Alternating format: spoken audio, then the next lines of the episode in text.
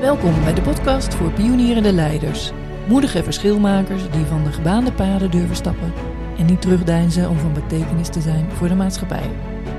Luister naar dit programma vol verdieping, inspiratie en concrete tips om te floreren in jouw missie als veranderaar. Mijn naam is Carla de Ruiter, auteur van het boek Pionierend Leiderschap, een bevrijdend perspectief voor een wereld in transitie. Ik begeleid pionierende leiders bij hun zoektocht naar meer positieve impact, zodat hun idealen realiteit worden. In deze podcast neem ik je mee in de wereld van betekenisvol ondernemen, leiderschap en organisatieverandering.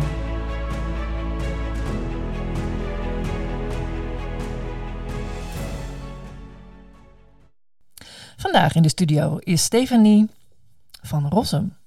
Stefanie, voor wie haar niet kent, is een ervaren procesbegeleider, een teamcoach en trainer op het gebied van persoonlijke leiderschaps- en teamontwikkeling. En nou wil het geval dat zij echt heel recent een nieuw boek, of haar eerste boek ook, hè? Of is het je tweede? Eerste? Ja, formeel mijn tweede. Het tweede, tweede boek heeft uh, uitgegeven en dat heet Lui, Leiderschap en Krachtig Kaderen. Ja, die titel spreekt dat tot de verbeelding. Nou, welkom Stefanie. Dankjewel. Heel erg leuk. Ik heb jouw boek helemaal uitgelezen in twee avonden. Ja, tof. Ja, jij zei al van, nou, dat heb je snel gedaan. Nou, ja, dat vond ik ook wel even een... Uh, ja, ik vond het eigenlijk niet moeilijk, want het, het leest lekker weg. Dat sowieso. Maar natuurlijk, natuurlijk kost het wel eventjes tijd. Maar ik dacht, nou, ik moet hem gelezen hebben voor ik jou spreek. Ja, oh. waarom heb jij het boek geschreven? Ja, waarom heb ik het boek geschreven? Ja, eigenlijk start het natuurlijk al bij waarom ik überhaupt met dit zo bezig ben. Daar begint het voor mij wel. Um, nou, dat kunnen mensen ook wel in mijn boek lezen. Maar ik, ik kom van een. Als kind ben ik veel gepest. En ik dacht altijd, nou, als ik nou wat ouder ben, dan. Uh, ja, dan, dan, worden die kinderen worden ook ouder. En die, nou, die worden allemaal, allemaal heel lief. En die snappen dat dat niet de bedoeling is. Maar ja, op een goed moment kwam ik erachter dat dat, dat een utopie is. En op het werk merkte ik ook dat we elkaar behoorlijk het leven zuur kunnen maken.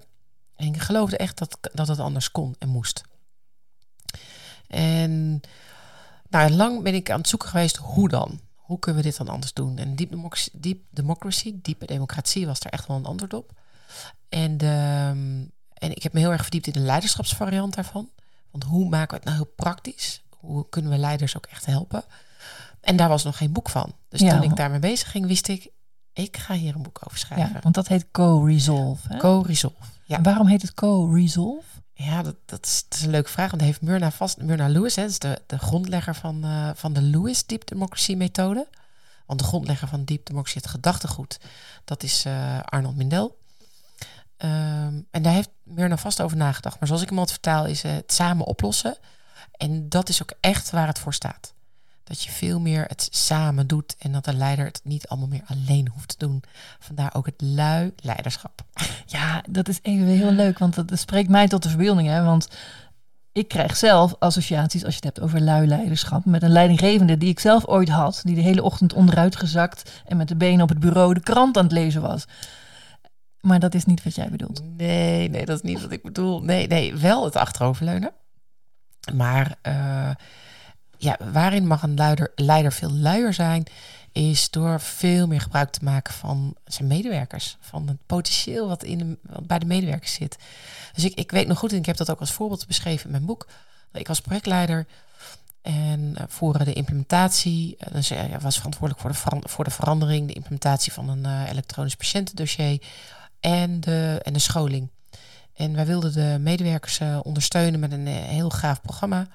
waarbij zij terwijl ze aan het werk zijn, ondersteund, ondersteund zouden worden. Dat was de implementatie op zich. En nou, dat liep helemaal niet. En we hadden nog maar een paar weken.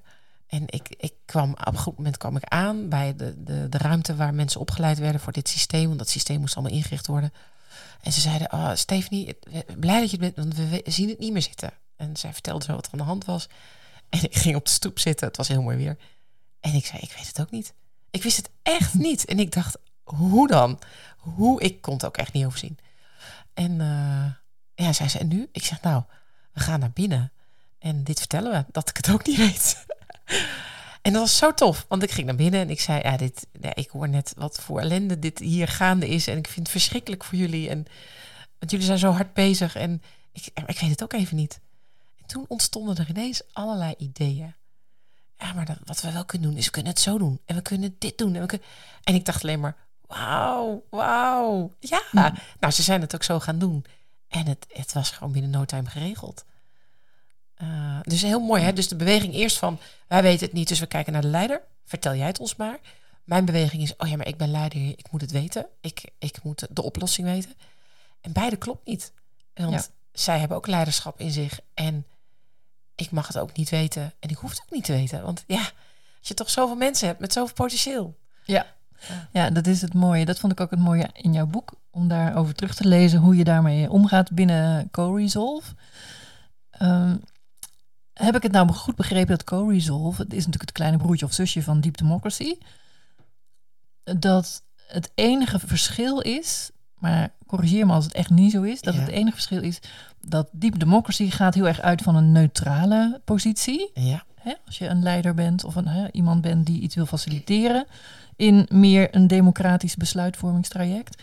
Uh, en dat co-resolve gaat over als je een leidinggevende bent, die eigenlijk niet altijd neutraal is, want er zijn verschillende belangen die er spelen. Ja, ja dat, is, dat is wel het allergrootste verschil. Uh, dus, dus als je uh, kijkt vanuit Deep Democracy, dan, dan sta je er eigenlijk echt buiten, buiten de groep en je faciliteert het proces en het maakt eigenlijk niet uit welke uitkomst er is.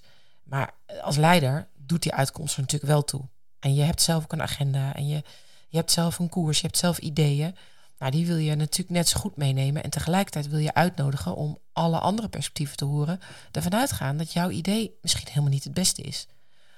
Dus dat is een groot verschil. En in de techniek zitten ook wel echt andere dingen. Uh, het is sowieso wat, wat, nou ja, we hebben veel meer op de corporate, dus de zakelijke omgeving gericht. Dus daar veel meer op, uh, op van toepassing dan op het echt het faciliteren van processen. Ja. Hoe was het voor jou om jouw boek te schrijven? Ja, ja eigenlijk heel tof. Ja? Heel tof, ja. Ik, um, ik wist heel goed wat ik wilde schrijven. Uh, en ik had een hele fijne schrijfcoach. Dat helpt ook. Hè. Die heeft me ook geholpen met structuur. Ja, ik wist gewoon wat ik wilde schrijven. En ik, ik had er heel veel plezier in. Dus ik ging echt zitten zo op mijn, op mijn lekkere werkplek. Met de zon die zo naar binnen scheen. En ja, dan ging ik gewoon schrijven. Uh, ik zette heel vaak... Uh, dan weet ik niet hoe dat heet bepaalde muziek op. Um, dan kom je ook in zo'n in een, in een andere dimensie, zeg maar. En dat, uh, dat hielp. En ja, het vloeide gewoon uit mijn pen. Mooi. Ja, ja dat was heel bijzonder. Ja, nou ja, dus heb je, je hebt vrij snel hem ook uh, afgeschreven, hè? Ja, eigenlijk wel. Dat, en dat heeft ook wel te maken dat ik het allemaal doorleefd heb. Ik heb het allemaal zelf ervaren. Ik heb zowel uh, natuurlijk in de alle opleidingen die ik heb gedaan, maar ook als projectleider, dus in de rol van leider, heb ik ook dit allemaal toegepast. En dat, ja, dat helpt enorm. Ja, dat helpt ook, want je hebt ook hele luchtige en mooie voorbeelden in je boek staan. Die het vind, ook, vind ik ook heel erg levendig maken. En begrip, begrijpelijk van ja, als je er zelf nog niet mee gewerkt hebt, dan wat je dan kan doen. Een van de dingen die in jouw boek staat is een onderzoek ik weet even niet meer door wie dat gedaan is, maar um, waaruit blijkt dat 12% van de medewerkers die in loondienst zijn, het niet tevreden is over het werk. Ja. Dat vond ik nogal schokkend. Ja, ja, dat gaat echt over het percentage dat. Uh, nou, die 12% die komt van dat mensen actief betrokken zijn. En er is een ander percentage, en dat zit zo rond de 20% en die zijn actief niet meer betrokken. Ja, dat is natuurlijk dat is echt schokkend. Um, dat onderzoek is van Gallup, en ik, misschien spreek ik het verkeerd uit, is een gerenommeerd onderzoeksbureau die zich hiermee bezighoudt, uh, wereldwijd. En ik, toen ik mijn eerste boek schreef, een e-book over hoe maak je van medewerkers ambassadeurs, um, toen, toen had ik deze cijfers al beschikbaar. En toen was dat percentage van zowel actief betrokken als actief niet betrokken, was vergelijkbaar. En ik was echt verrast en, en verbaasd dat in die nou ja, in die tien jaar tijd, negen jaar tijd, dat daar niets in veranderd is. Want het kost waanzinnig veel geld. Maar het is ook, is ook zo bijzonder, want wij richten ons in bedrijven heel erg op wat, mede, wat, wat klanten van ons vinden. Dat moet zeker een 8 of een 9, nou eigenlijk een 8 zal niet goed, een 9 of een 10 zijn. Hè? Dan, dan heb je echte promotors. Uh, en als het niet gebeurt, dan, dan zetten we er allerlei acties op. Maar we zijn wel tevreden met medewerkers die in de medewerkerstevredenheid, een, nou, als ze geluk hebben, een 7 geven. En, en we trekken ons niks aan van deze cijfers. Ja, ik, ik- Ja, dat is schokkend, hè? ja, ik vind dat echt schokkend. En dat was ook in Nederland. eh, dat waren de cijfers in Nederland, ja, hè? ja, klopt. Heb je dit boek ook geschreven voor medewerkers om het plezier weer terug te krijgen in het werk? Of is dat een soort bijvangst? Ja, dat is zeker een, eh, zeker een bijvangst. Nou, wat wel leuk is, is dat ik in, dat, in mijn eerste boek, en toen kende ik dat Deep Democracy nog helemaal niet.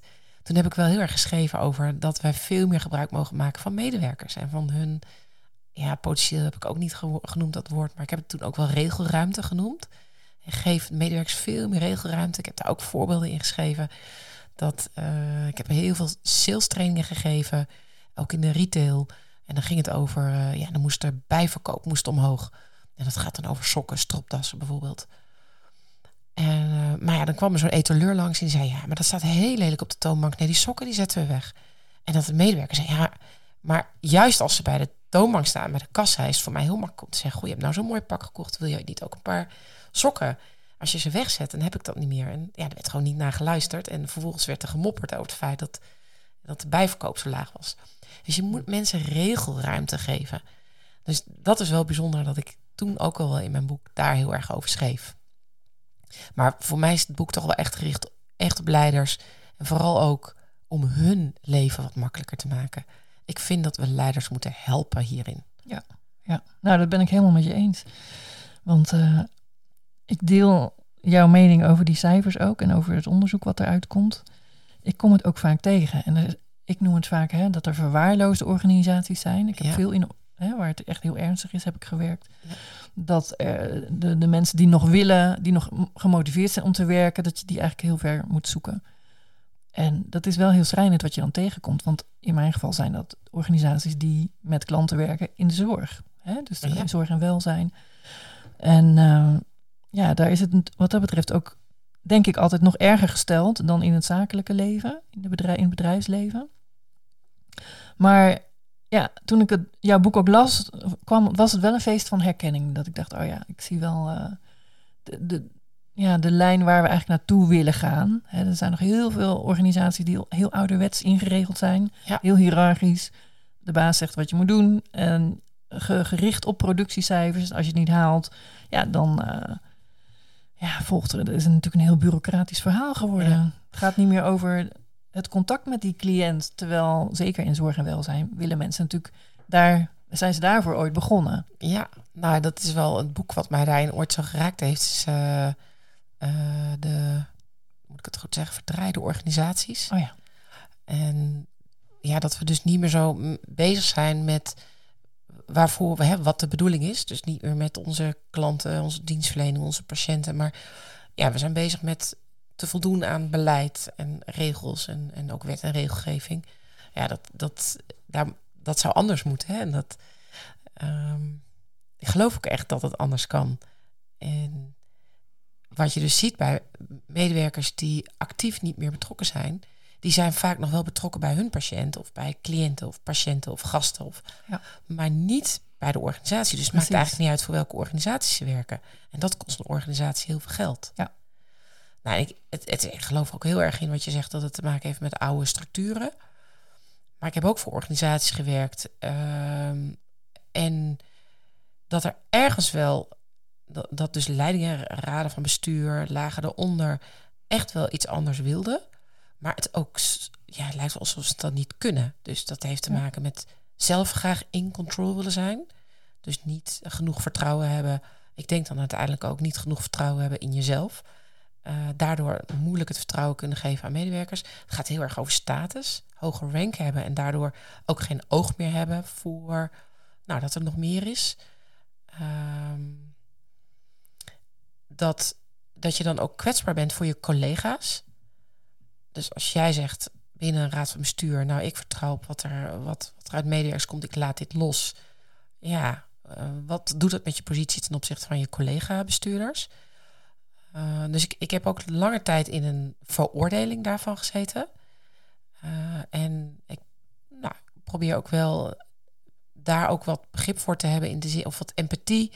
Van ja, het komt ergens vandaan. Precies. Dat is het mooie, hè? Dat als je dat kunt achterhalen, dat je al een heel eind bent. Ja. Wat jij heel mooi hebt omschreven, vind ik, en ik hoop dat je daar iets over kan uitleggen, is dat er in heel veel organisatie, organisaties een onveiligheid is. Ja. Onder medewerkers, maar waarschijnlijk ook helemaal in de top. Ja. Kan jij uitleggen wat versta je onder onveiligheid? Ja, onveiligheid gaat over wanneer je niet kunt zijn wie je bent en wanneer je niet vrij kunt uitspreken. Dus niet vrij kunt zeggen wat je vindt. En met vrij bedoel ik zonder dat je daarop afgerekend wordt. En afrekening kan bestaan uit uh, nou, dat je met de nek aangekeken wordt. Hè? dus je valt eigenlijk buiten de groep. Uh, het kan zijn dat je daarop aangesproken wordt door je leidinggevende. Het kan zijn dat je geen hulp meer krijgt. Het kan zijn dat je promotiekansen weg zijn.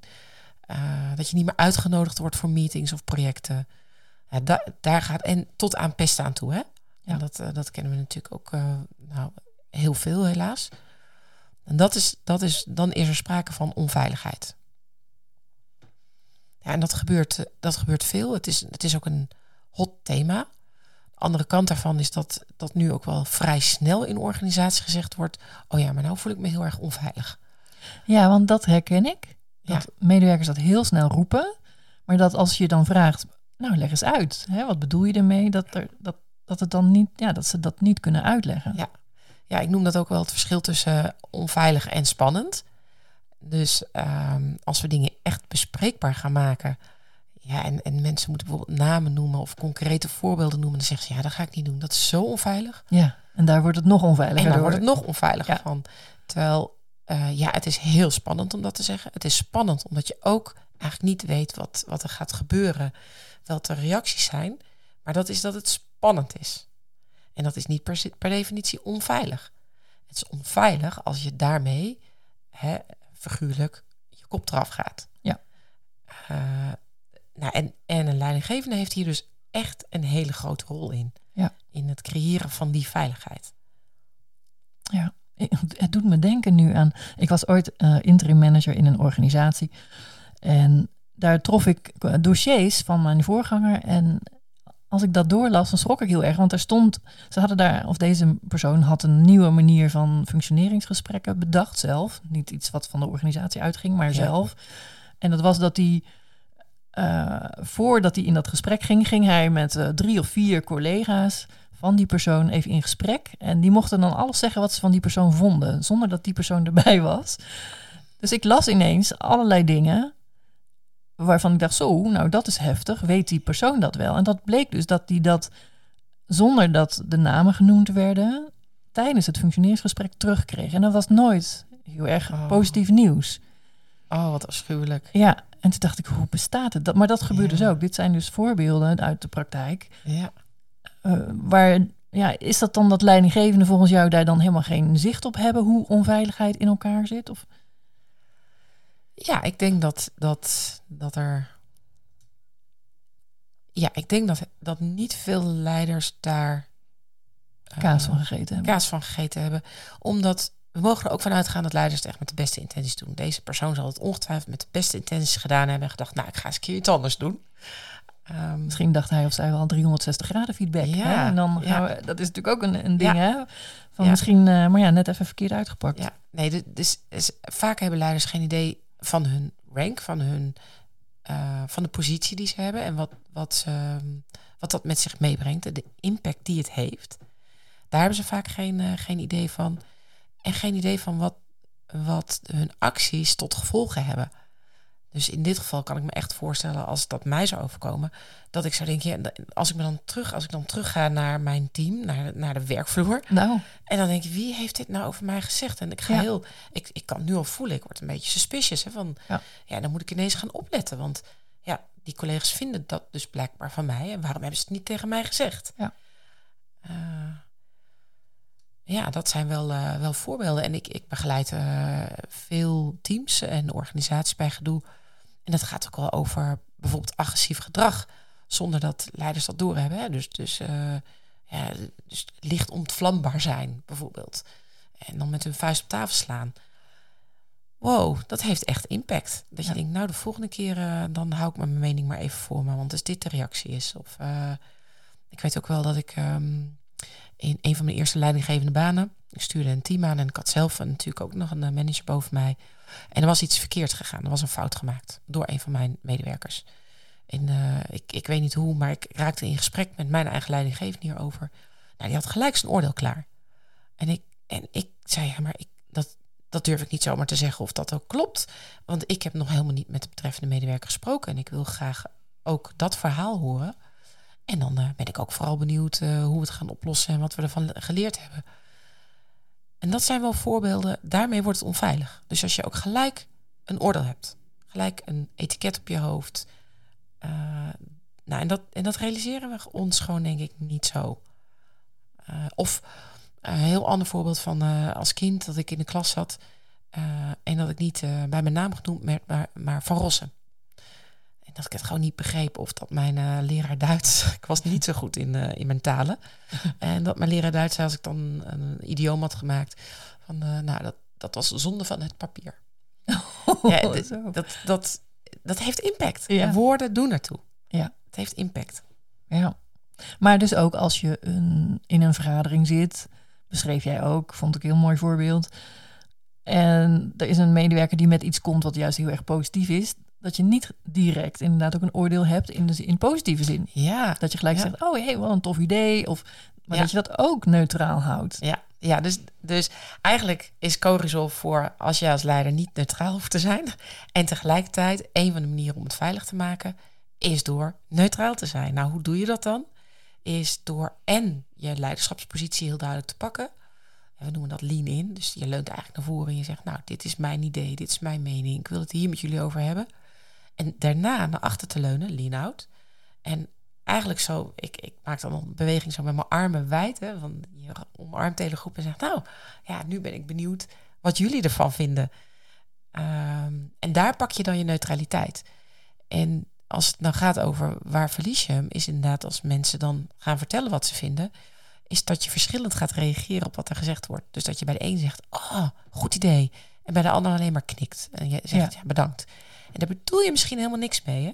Maar het wordt opgepakt nou, altijd. Het wordt opgepikt omdat jij leider bent. Je hebt een andere status. Mensen kijken naar je en we willen allemaal uiteindelijk gezien worden. Elk mens wil gezien en gehoord worden. En we willen helemaal gezien worden door onze leidinggevende. Dat, daar hebben we toch een, een extra sensor voor. Dus ja, dat is al snel. Oh, daar, daar werd hij heel blij van die reactie. Van die reactie niet. Nou, ik hou mijn mening maar even voor me dat wil dan helemaal niet zeggen dat, er, dat je een onveilig team per definitie hebt. Helemaal niet. Maar dit is wel, wij maken steeds afwegingen. In de groep maken wij afwegingen. Ga ik het zeggen? Ga ik het niet zeggen? Kan ik het zeggen? Mag ik het zeggen? Het zijn steeds afwegingen die wij op een onbewust niveau en soms ook echt op een bewust niveau maken. Ja, duidelijk. Kan je uitleggen wat het verschil is tussen consensus en gedragen besluitvorming? Want consensus is wat ik nog vaak leidinggevende zie, uh, uh, zie doen. Als, als hoogste goed in een overleg. Ja. Iedereen moet ergens een plasje over kunnen doen. Ja. En vaak nou, besluit dan toch weer een of andere leidinggevende of de baas daar weer boven. Ja. Dus ja, wat heeft het voor zin? Nou, dat zijn een beetje de patronen hè, die je ook wel ziet.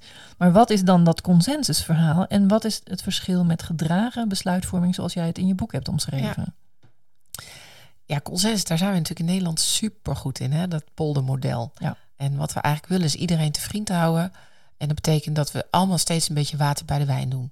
Dat betekent ook dat we nooit de, het optimale besluit hebben. Want als wij nu tot consensus zouden komen, dan krijg jij niet wat je wil en dan krijg ik niet wat ik wil. Want we hebben alle twee water bij de wijn gedaan. Nou, bij inclusieve besluitvorming zeg je eigenlijk, we nemen het besluit wat het beste is voor het geheel, voor de groep. Dat is het uitgangspunt. En dat betekent dat we wel degelijk, nadat we alles gehoord hebben, alle standpunten en ook dat wat niet gebruikelijk is, dat wat niet gelijk oppopt, of misschien wel het nee-geluid, waar iedereen ja zegt. Als we dat allemaal gehoord hebben, dan nemen we eigenlijk een meerderheidsbesluit. En in Kogelshof is een meerderheidsbesluit, en formeel is het natuurlijk 50 eh, plus 1, de, helft plus 1. Maar in Kogelshof is dat echt wel minimaal 70, 80 procent. En dan zeg je ja, en dan blijft er nog een een minderheid over. En die wijsheid die voegen we dan toe. Dus wat we dan zeggen in, uh, in is, wat heb jij dan nodig om mee te gaan? Dus daar ligt een meerderheidsbesluit. Dit is wat we besluiten. Punt. Maar wat heb jij nodig om mee te gaan?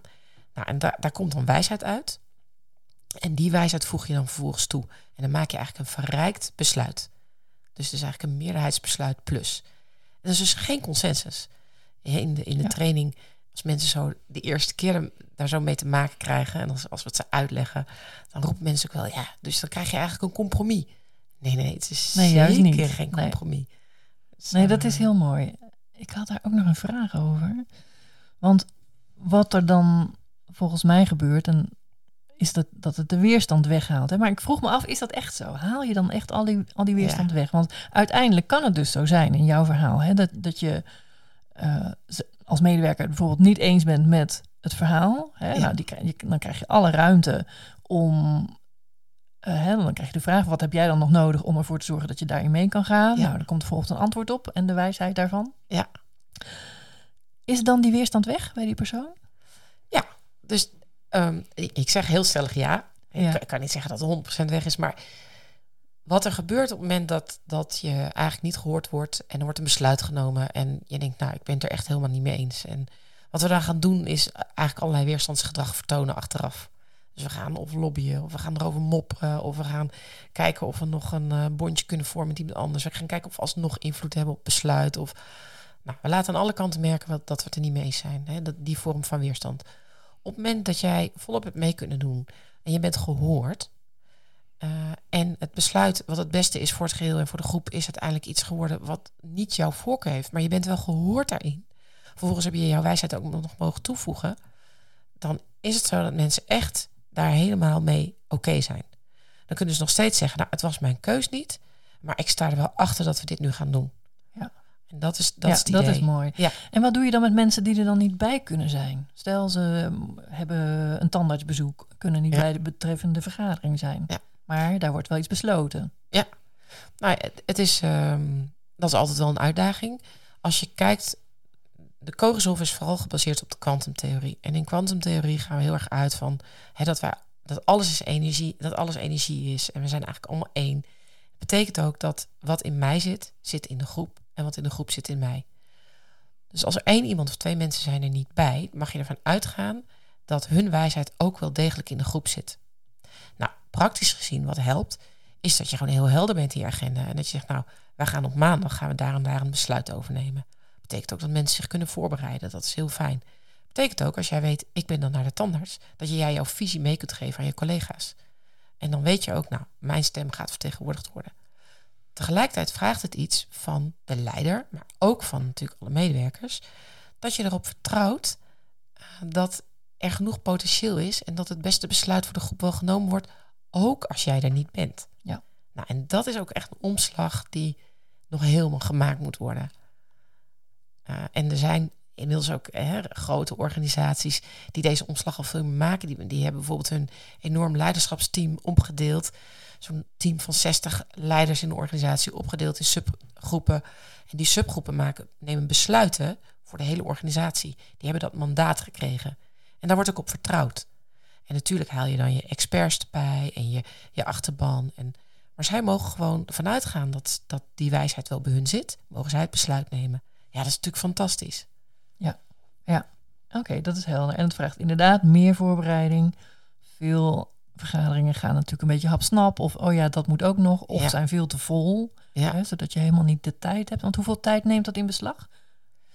Ja, dat is moeilijk te zeggen. Uh, teams die, die, hier die gewend zijn om dit te doen en dus al zich veel meer uitspreken, ja, die gaan daar veel sneller doorheen. Uh, moet je dan alle besluiten maar diep, diep democratisch nemen? Nee, natuurlijk niet. Dus soms kan het ook gewoon niet, omdat er nou eenmaal een besluit van bovenaf genomen is. Uh, of nou, om andere redenen.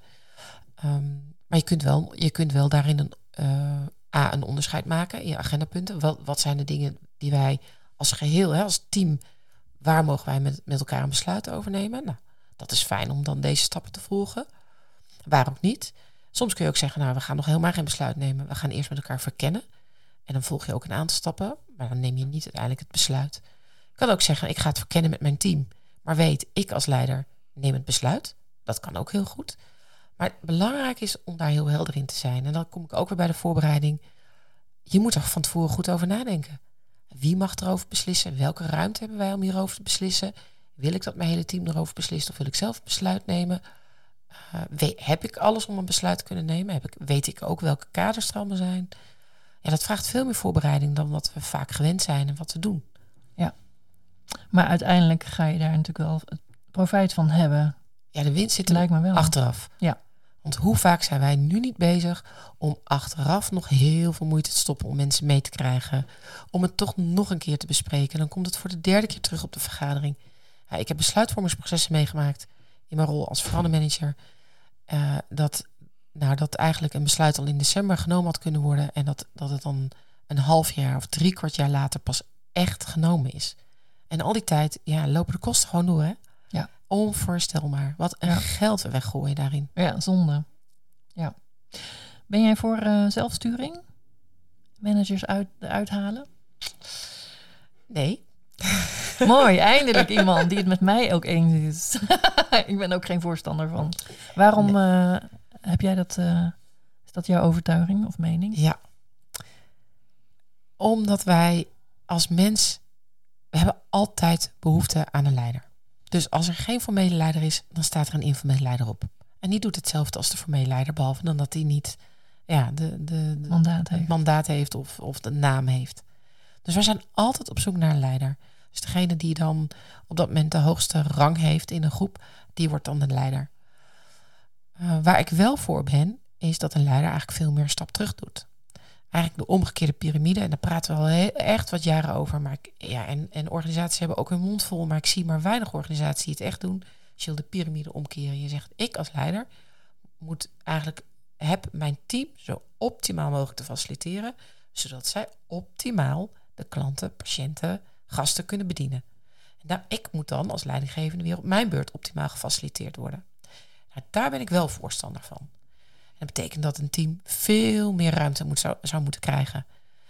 Maar zelfsturing, ik geloof er niet in. Nee. Grappig, want ik heb laatst wel een opdracht begeleid hierin. En toen kon ik wel een neutrale begeleider zijn, want ik ging er niet over. Maar uiteindelijk kwamen ze ook zij, kwamen uit op, zonder dat ik daaruit, dat beloof ik echt, niks in gedaan. Uh, maar zij kwamen ook uit, ja, we hebben wel kaders nodig. En daarom, dat is ook zo. Je hebt kaders nodig. Ja. Geef kaders en binnen die kaders heb je deze ruimte. Ja. ja, herkenbaar. Ja, ik kom ook in de organisaties waar dat of mislukt is, of waar ze het heel graag willen. En, of waar ze bijvoorbeeld al in plaats van die leidinggevende hebben ze, hebben ze vervangen door coaches. Dus ja, ja maar, maar wat krijg je dan? Dat medewerkers vooral uh, op het moment dat ze een kader krijgen, dat ze dat niet accepteren. Omdat ze zeggen, ja hallo, wij gaan daarover, niet jij. En dan krijg je dus weer nog meer ellende. En dan zeggen ze na een paar jaar, nee, het is mislukt. Maar dat komt omdat ze natuurlijk niet goed bij de horens gevat hebben en de kaders vergeten zijn. Hè? Dus ook eigenlijk geen verstand hebben van hoe die zelfsturing dan daadwerkelijk werkt. Ja, ja dat is eeuwig zonde, want het kost heel veel geld. En wat onderschat wordt is de groepsdynamiek. Dus in een team, wat gebeurt er? Dus je moet wel echt als team moet je, er, moet je zo vaardig zijn om dit dan ook met elkaar te kunnen fixen. En dat was een heel mooi gesprek wat ik toen ook daar had. Het ging over, ja, ehm, hebben wij dan ook de ruimte om dingen te doen die bij ons passen? Dat is natuurlijk heel mooi aan zelfsturing. Dat je niet meer per se allemaal hetzelfde hoeft te doen. Maar er was ook de vraag, ja, wie gaan dan de zogenaamde K-klusjes doen? Want die zijn er ook. Ja. Dus je moet zo'n taakvolwassenheid hebben binnen een team om het goed te kunnen doen. Je moet de vaardigheden hebben om echt ieders stem te horen, om ieders potentieel te gebruiken. Je moet de vaardigheid hebben om dingen te mogen laten mislukken. Nou, dat vraagt nogal wat zeg. En ja, en dan gaat één iemand uit het team, dan komt nieuw iemand terug. Dan moet je dus eigenlijk weer opnieuw beginnen, want de dynamiek verandert weer. Nou, en ik geloof erin dat een leidinggevende gewoon hierin juist heel veel kan betekenen. Ja, het is toch nodig, hè? En eigenlijk zitten we altijd weer het, het, het gezin van oorsprong te kopiëren, hè? Ja. Dus we hebben natuurlijk ook altijd weer... Je kijkt naar een, een leidinggevende als je vader of je moeder... en je herhaalt al die patronen die je misschien nog niet goed eh, zelf hebt opgelost. Of, ja. Nou, eh, ga maar door. Dus dat, maar daar zijn ook medewerkers zich helemaal niet vaak van bewust dat dat aan de hand is, hè? Nee, nee. Dat was heel mooi. Dat was laatst, uh, hoorde ik ook zo de uitspraak. Ja, dan zie ik mijn baas en dan... Ja, dan dan zie ik gewoon eigenlijk gewoon mijn stiefmoeder zitten. Ja. Nou, dat, daar gaat dit natuurlijk over. En dan maakt het helemaal niet uit wat die uh, betreffende leidinggevende doet of zegt. Dat gaat dan helemaal niet meer over. Je bent gewoon terug in die keukentafel. En je ziet gewoon inderdaad je eigen stiefmoeder zitten. En met alles, je wordt weer dat kind. ja. Het zou echt helpen als we ons daar veel meer van bewust zouden zijn. En hoe is het dan andersom? Als je de leidinggevende bent, dan ben je Ook. dus de ouder. Wat krijg je dan voor patronen die jij ziet? Nou, A, zijn, zijn leidinggevenden vaak niet bewust dat die projectie plaatsvindt. Eh, daar schrijf ik overigens niets over op mijn boek, maar er zijn er genoeg boeken over geschreven. Eh, dus zij zijn zich niet bewust dat die projectie plaatsvindt. Dus zij hebben geen idee, denken dan dat het aan hun ligt. Leidinggevenden krijgen heel veel projecties op zich. Dat is een kunst op zich om, dat, om daarmee om te kunnen gaan als leidinggevende. Ehm, en zij zijn zich ook niet altijd bewust dat zij die rol hebben. Dat zij die rol hebben van, waar ik het eigenlijk straks over had, die, die rank. En dat, dat er zo naar hen gekeken wordt. En ik hoor ook leidinggevenden zeggen, ja, maar ik wil, ben één van het team. Ik ben gelijk. Ja. En ik denk, nee, je bent ben je misschien niet. gelijkwaardig Ja. als mens, maar je bent Ja. niet gelijk. Ja. Jij hebt een leiderspositie. En die heb je vol te nemen. Daar wordt het heel onveilig van. Hè, dat, dat zie je natuurlijk ook in gezinnen. Waarin er geen, eigenlijk geen, ja, ik zou het bijna willen noemen, geen hiërarchie is. Geen, eh, dus een kind is grenzeloos. Eh, alles mag en alles kan. Een kind mag zelf bepalen hoe laat hij naar bed gaat. En daar zijn natuurlijk andere mensen die daar wel die daar heel blij van worden. Hè. Dus dit is ook maar ik. Ik heb niet monopolie op de waarheid. Hè. Dit is mijn visie hierop. Maar dat geeft net zo goed in mij, naar mijn idee heel veel onveiligheid. Want uiteindelijk willen wij kaders hebben. Willen wij begrensd worden? Willen we weten tot hoe ver kunnen we gaan? Dat geeft zoveel veiligheid. Dus als je als leidinggevende zegt: Ja, ik ben een van het team. Ik hoor bij het team. Ik, ik ben helemaal niet de baas. Ik, nee, nee. Je bent wel de baas. Ja, misschien wil je het niet zo noemen, omdat dat een negatieve connotatie heeft. Maar ja, je bent wel de leider. Precies. Pak je positie. Pak je positie. In dat boek heb je ook een aantal QR-codes. En eentje daarvan was dat je een hele lijst kan downloaden over de die ranking, noem jij Ja. het. Hè? Dus de, de, de positie die je daarin hebt en de rollen. Ja. Kan je, weet je dat uit je hoofd zo, een aantal van die... eh, wat, wat maakt Ja. dat je hoog in de ranking komt? Ja, ja dat zijn eh, eigenlijk dertien eh, items die eh, Arnold Mindel eh, zo onderzocht heeft. En wat bijzonder is aan die items, dat heel veel van die items, daar, daar heb je niet eens invloed op. Hè? Dat heeft gewoon te maken met waar je wie gestaan heeft. Uit welk gezin je geboren bent. Ehm, even uit mijn hoofd. Gaat het over je sociale status? Het gaat over je psychologische status. Het gaat over dan doe ik het echt uit mijn hoofd. Het gaat echt over dingen als eh, eh, ehm, in de groep, welke etnische eh, achtergrond heb je. Dat zijn allemaal wel die, die dat zijn voorbeelden.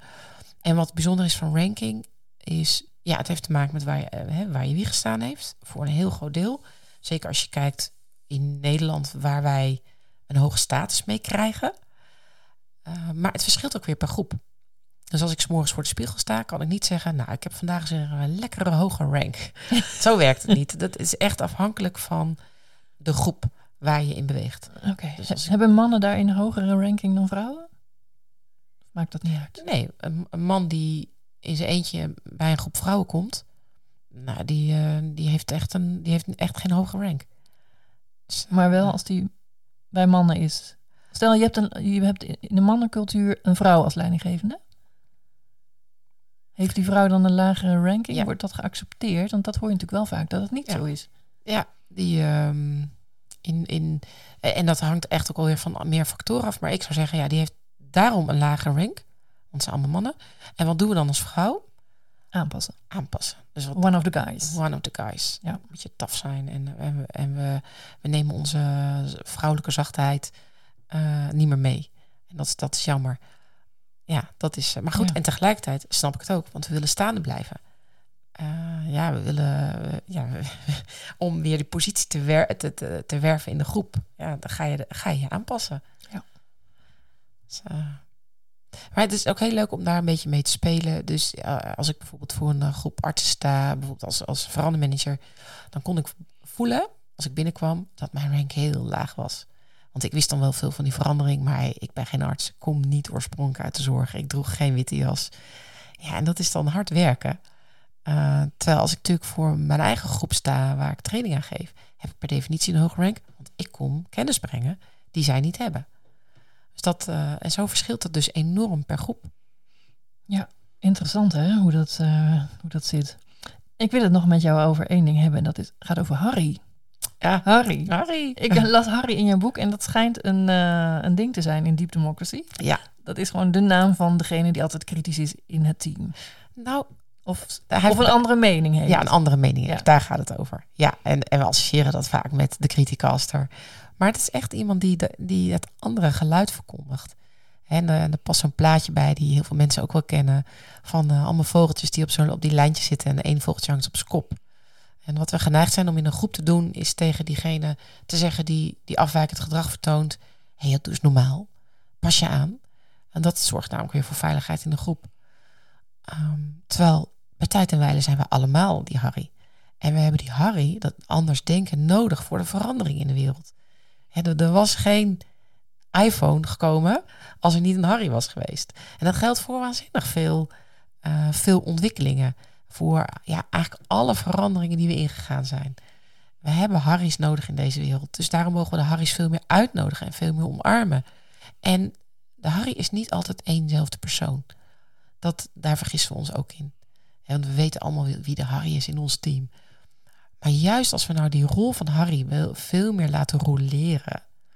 En dat doen we door bijvoorbeeld meningen te verspreiden. Wie herkent dit in enige mate? Ja, ontstaan er veel meer Harry's. Maar wordt het leuk om ook Harry te zijn? En dan zul je zien dat er veel meer ideeën op tafel komen. Dat er ineens veel meer mogelijk is. Dat er betere besluiten genomen worden.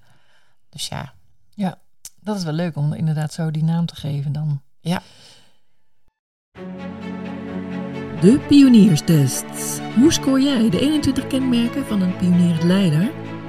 Ontdek jouw leidende rol in een wereld in transitie. We gaan kijken naar de pionierstest. yes. Want, net als al mijn gasten, heb ook jij, heb ook jij de pionierstest ingevuld. En die kan je vinden op www.pionierendleiderschap.nl. Om te kijken van, ben jij die leider van de toekomst? En wat heeft, heb jij als pionier, als pionierend leider in huis? En wat is eventueel nog eh, aan een beetje hè, knutselen? Ja, ja, wat wat, kan nog, wat kan nog verbeteren? Eh, maar je bent hier natuurlijk niet voor niks, hè? Want eh, ik nodig natuurlijk eh, pionierende leiders uit. Dus die hebben eigenlijk altijd een hele hoge score. Jij dus ook. Ah, Maar we lichten er een paar dingen uit. Ja. Waar je heel goed in bent, is kracht. Ja. Moet er een beetje om lachen. Eh, want het verrast me niks. En ik ben ook wel heel benieuwd hoe vanuit pionierend leiderschap gekeken wordt naar kracht. Want ik kan natuurlijk iets vertellen over hoe ik kracht inzet. Maar ik ben benieuwd of die past bij hoe, eh, hoe die past vanuit jouw visie. Ja. ja, nou ja, kracht vanuit pionierend leiderschap wordt heel erg ingevuld door... eh, je gaat eigenlijk samen met lef. Dus heel veel lef hebben en gewoon kracht hebben om de dingen te doen. Want soms kun je je natuurlijk ook wel eens krachteloos voelen. Eh, en dan kan het juist heel krachtig zijn om daaraan toe te geven. Ja. Stel, hè, dus Ja. ik geef even een voorbeeld. Als je als leidinggevende iets eh, meemaakt wat best wel heel veel impact op je heeft, dat er in je team gebeurt.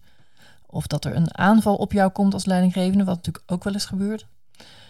Dan is het heel krachtig om het te zien voor wat het is. Hè? Van hé, hey, wat gebeurt hier nou eigenlijk? Even terug, een stapje terug te doen. Even lui, lui zijn, lui leiderschap, zoals Ja. jij het mooi zo noemt. En van daaruit weer neutraal te kunnen reageren en weer eh, ja, op te pakken wat er nodig is. Ja. En goed te kijken wat er nodig is. Dus de context heel erg daarbij te halen. En dat, dat is juist heel krachtig. Ja. Nou, die, die, En nou ja, die komt dus heel erg overeen, hè? Met, ja, eh, ja, zeker. En ik herken hem ook wel. En ik denk dat hij ook gerelateerd is aan heel veel andere items die, die natuurlijk logischerwijs eh, ook voorbij komen in die test. Ehm, ja, mijn kracht zit hem, zit hem wel in dingen voor elkaar krijgen. Dat is ook wat ik terugkrijg. Hè, waarom mensen mij ook vaak gevraagd hebben als projectleider of verandermanager. Omdat ik de dingen voor elkaar krijg. Ehm, dus voor mij zit dat heel erg in mijn passie. In echt het omarmen en ervoor gaan, erin geloven. Eh, het zit hem in een stuk kwetsbaarheid. In het ook niet mogen weten. En ja, ook in het veerkracht. En dat is misschien ook wel een beetje zoals jij hem net benoemde. Hè? Dus, ja. dus alles wat... Ja, ik geloof inmiddels dat iedereen wel zo... Nou, zo'n bordje vol heeft met dingen die hij meegemaakt heeft. Of zijn rugzak vol. Mijn rugzak zit ook behoorlijk vol. Eh, maar dat heeft me wel gemaakt tot wie ik nu ben. En dat, dat, ja, tot de krachtige persoon die ik nu ben. Ja. Ja. Ja. Ja, dat is mooi dat je dat zo zegt. Ja. Nou ja, ik zie ook een hele krachtige dame zo voor me. Dus dat is heel mooi. Uh, wat verder nog heel hoog is, ja, zelfreflectief vermogen. Nou, is eigenlijk mijn afgelopen gasten allemaal hebben, scoren daar heel hoog op. Ja. Wil je daar nog iets over zeggen? Nou, hoe beter je jezelf kent, hoe, hoe beter. Nou, eigenlijk denk ik, word je beter in elk vak. Dus ik heb dat ook in mijn boek geschreven. Als leider, hoe beter je jezelf kent, hoe makkelijker het wordt om leider te zijn. Uh, dus ja, dat, dat is gewoon heel erg belangrijk. En ik denk dat voor elk vak geldt. Geldt voor coaches, trainers. En ik denk dat dat net zo goed ook. Eh, jij bent ook waar je nu staat, omdat je jezelf waanzinnig goed kent. Ja. Dus, uh, daar geloof ik gewoon in. Ja. Dat, dat uh, is fijn. Fijn ook als mensen zelfreflectie hebben, want dan kun je groeien.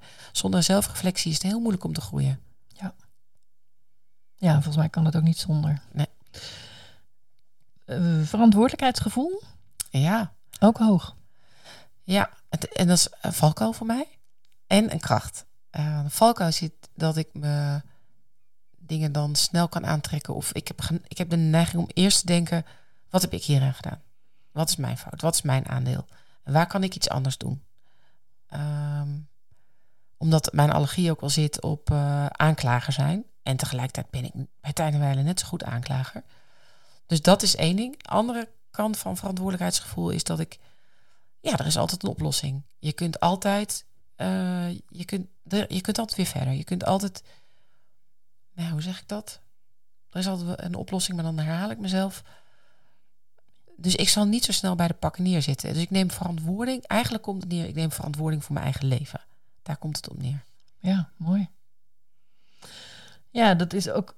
We hadden het er in het voorgesprek even over, hè, over verantwoordelijkheidsgevoel. Dat dat ook een kwestie is van hoe meer je je bewust bent van wat er speelt. Hè, dus het kan ook zijn hoe meer reflectie je hebt op iets. Dat je dan dus ook gaandeweg meer verantwoordelijkheid, verantwoordelijkheid krijgt en hebt. Ja. En je ziet natuurlijk ook heel veel mensen dat niet pakken, niet oppakken. Ja. Als je dus heel veel dingen weet over. Nou ja, ik heb laatst had ik een. Uh, gast en dan hadden we het over het klokkenluiderschap. Ja. Als je heel veel dingen weet, hou je het dan voor je of hou je het niet voor je? Precies. En dat is die uitspraak van Stephen Covey: van uh, als je iets weet eh, zonder dat je er iets mee doet, is hetzelfde als niet weten. Dus dat zeg ik ook vaak in, in de groepen die ik begeleid. Ja, je weet nu anders. Dus ja, dan heb je bijna de verantwoording, vind ik, om er ook echt iets mee te doen. En Ja. het blijft natuurlijk een keus. Ja. Want dat kan niemand voor jou bepalen. Mooi. Ehm, iets lager scoor je op vrij zijn van culturele conditioneringen. En daar zal ik eerst even iets over uitleggen, want dat is nog eigenlijk een heel relatief onbekend iets hier Ja. in eh, ons land.